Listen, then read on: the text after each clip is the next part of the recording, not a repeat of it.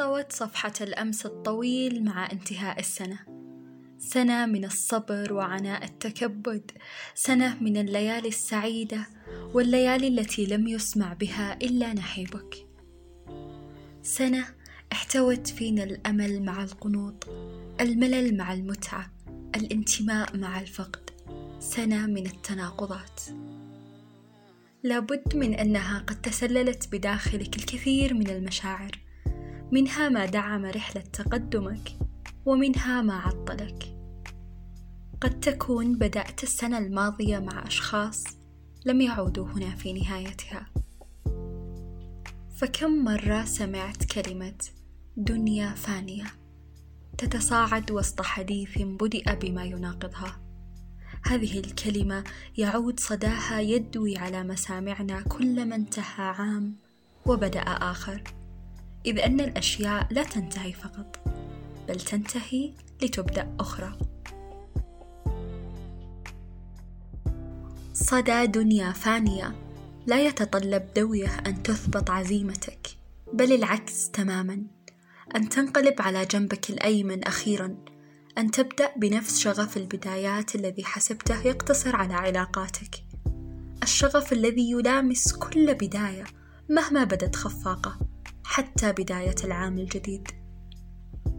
أتمنى هذا العام يكون بمثابة رد لاعتبار خاطرك وقلبك وأسأل الله لك الطريق اليسير السهل الطريق الذي يوازي ولا يلتقي بدرب من عثى فيك وفي راحتك. فمن منا لا يريد عاما مليئا بالشغف وبدفء السعي وطعم النجاحات المحلى متفائلة جدا كعادتي بأن يكون هذا العام عام الصعود والرضا والخير كله. أهلا وسهلا فيك عزيزي المستمع. أنا عايشة وهذه حلقة أخرى من بودكاست ملهمة.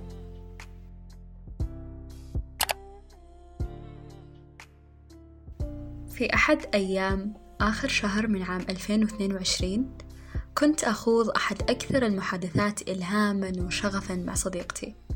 في خضم سواليفنا سألتني سؤال أثار فيني فضول المعرفة اللي أدى لإعدادي لهذه الحلقة. قالت إيش هي أول ذكرى تتذكرينها من طفولتك؟ وبناء على إجابتك بتعرفين في أي عمر بدأ الإدراك عندك. ومنها عرفت أن عمر الإدراك عندي بدأ من عمري ثلاث سنين.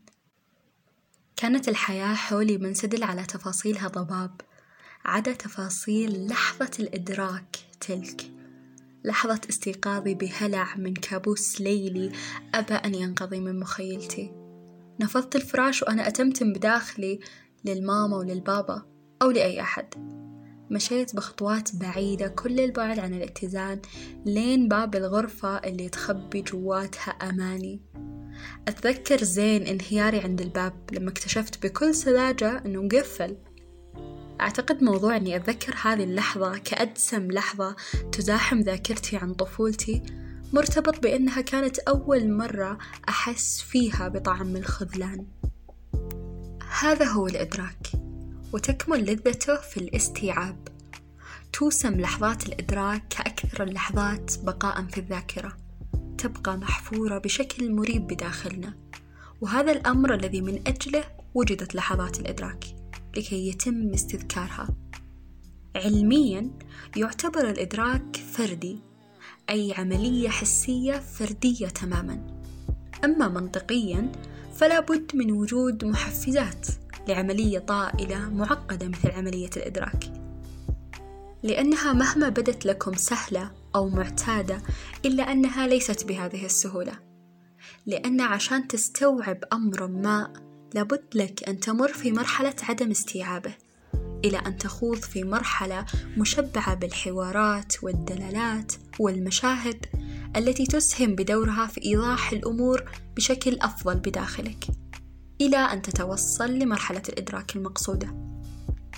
ولما أقول أن لازم عشان توصل لمرحلة الاستيعاب تمر في مرحلة عدم الاستيعاب فهي نفس فكرة أشياء كثيرة بحياتنا. لازم تفقد عشان تمتلك مثلا ولازم تنسى عشان تستذكر وتضعف عشان تقوى وقيسوا عليها التناقضات المرتبطة ببعضها في أغلب أمور حياتنا. جميعنا نمتلك خزينة لحظات إدراك في أمور معينة أبد أن تفارق مخيلتنا. ومن هذه اللحظات التي واتتني وأجدها جديرة بالذكر واحدة من أكثر اللحظات التي داعبت فكري وأثرت فراغات عاطفية احتجت أن تثرى وتمتلئ. اللحظة اللي استوعبت فيها استيعاب تام بأن علاقاتك الاجتماعية البعيدة عن علاقتك مع أهلك وقرابتك ما هي إلا رسائل يجب أن تطولك يجب أن تستوعبها تدركها وتتلقاها. مع كل علاقة تبحر بها وتعجبك تفاصيلها ولحظات الانسجام التي تجعلك تتساءل ما أسوأ ما قد يحصل في خضم هذه المثالية؟ ثم تتفاجأ بأسوأ سيناريو ينهي كل هذه الجماليات التي بدت لك وكأنها أبدية.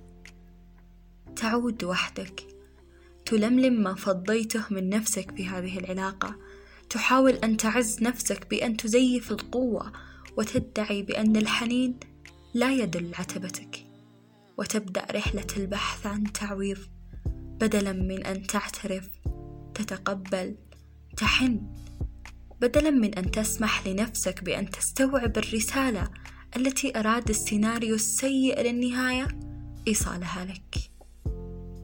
إن كان نهج رفض المشاعر هذا هو ما تمتهجه عند كل النهايات. فلا تتوقع علاقات بتفاصيل جديدة وسيناريوهات جديدة. لا تتوقع علاقات طويلة الأمد وصحية كفاية ما دمت تتجنب التعلم من أهم بؤرة للعلم العلاقات. إذ أن مع كل علاقة سواء انتهت أو لم تنتهي أو لن تنتهي أبدا. رسالة.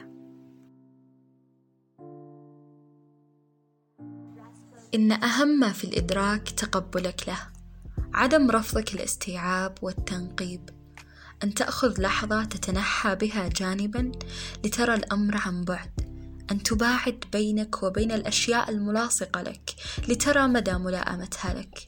بنظرة الآخرون أحيانا.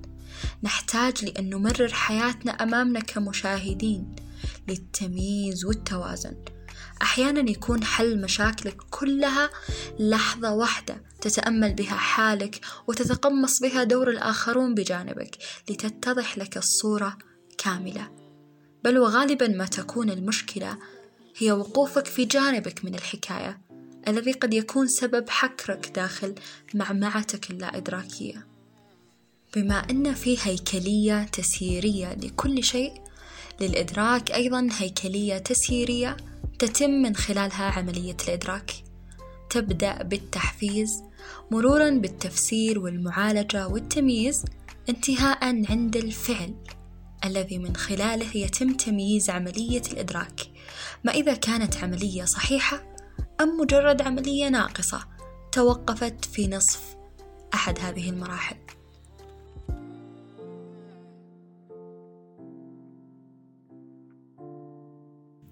والفعل اللي إحنا نقبل عليه بعد إدراكنا لأمر معين أو خلينا نقول ردات الفعل الإدراكية مو شرط تأتي بصورة مثالية أو المفروض أنها تأتي أولا بالعكس تماما.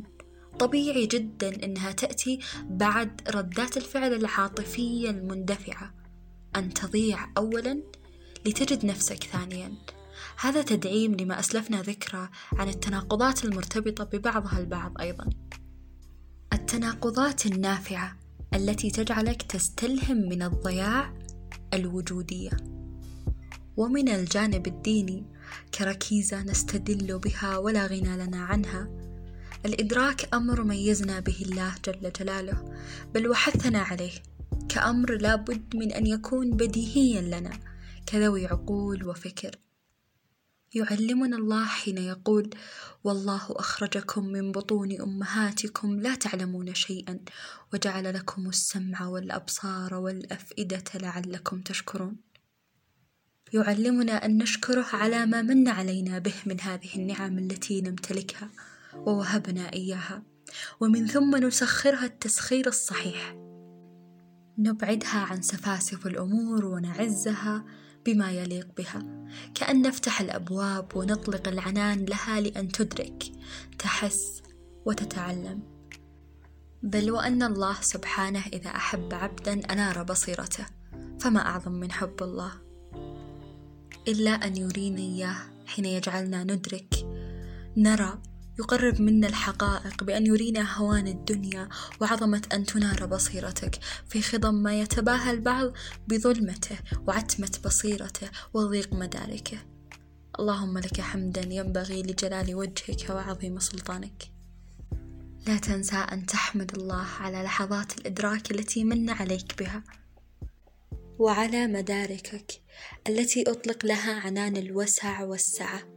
وعلى أفق تفكيرك حين يلهم في كل يوم مرات عديدة. من كل ما يمرك ويلمس جوفك ويخاطب روحك. وبكذا وصلنا إلى نهاية حلقة لحظة إدراك. شكرا لحسن استماعكم. شاركوا هذه الحلقة لكل من يعز عليكم. وتابعوا صفحات البودكاست على أبل بودكاست وال SoundCloud وعلى تويتر. لتصلكم حلقات بودكاست ملهم الجديدة أول بأول.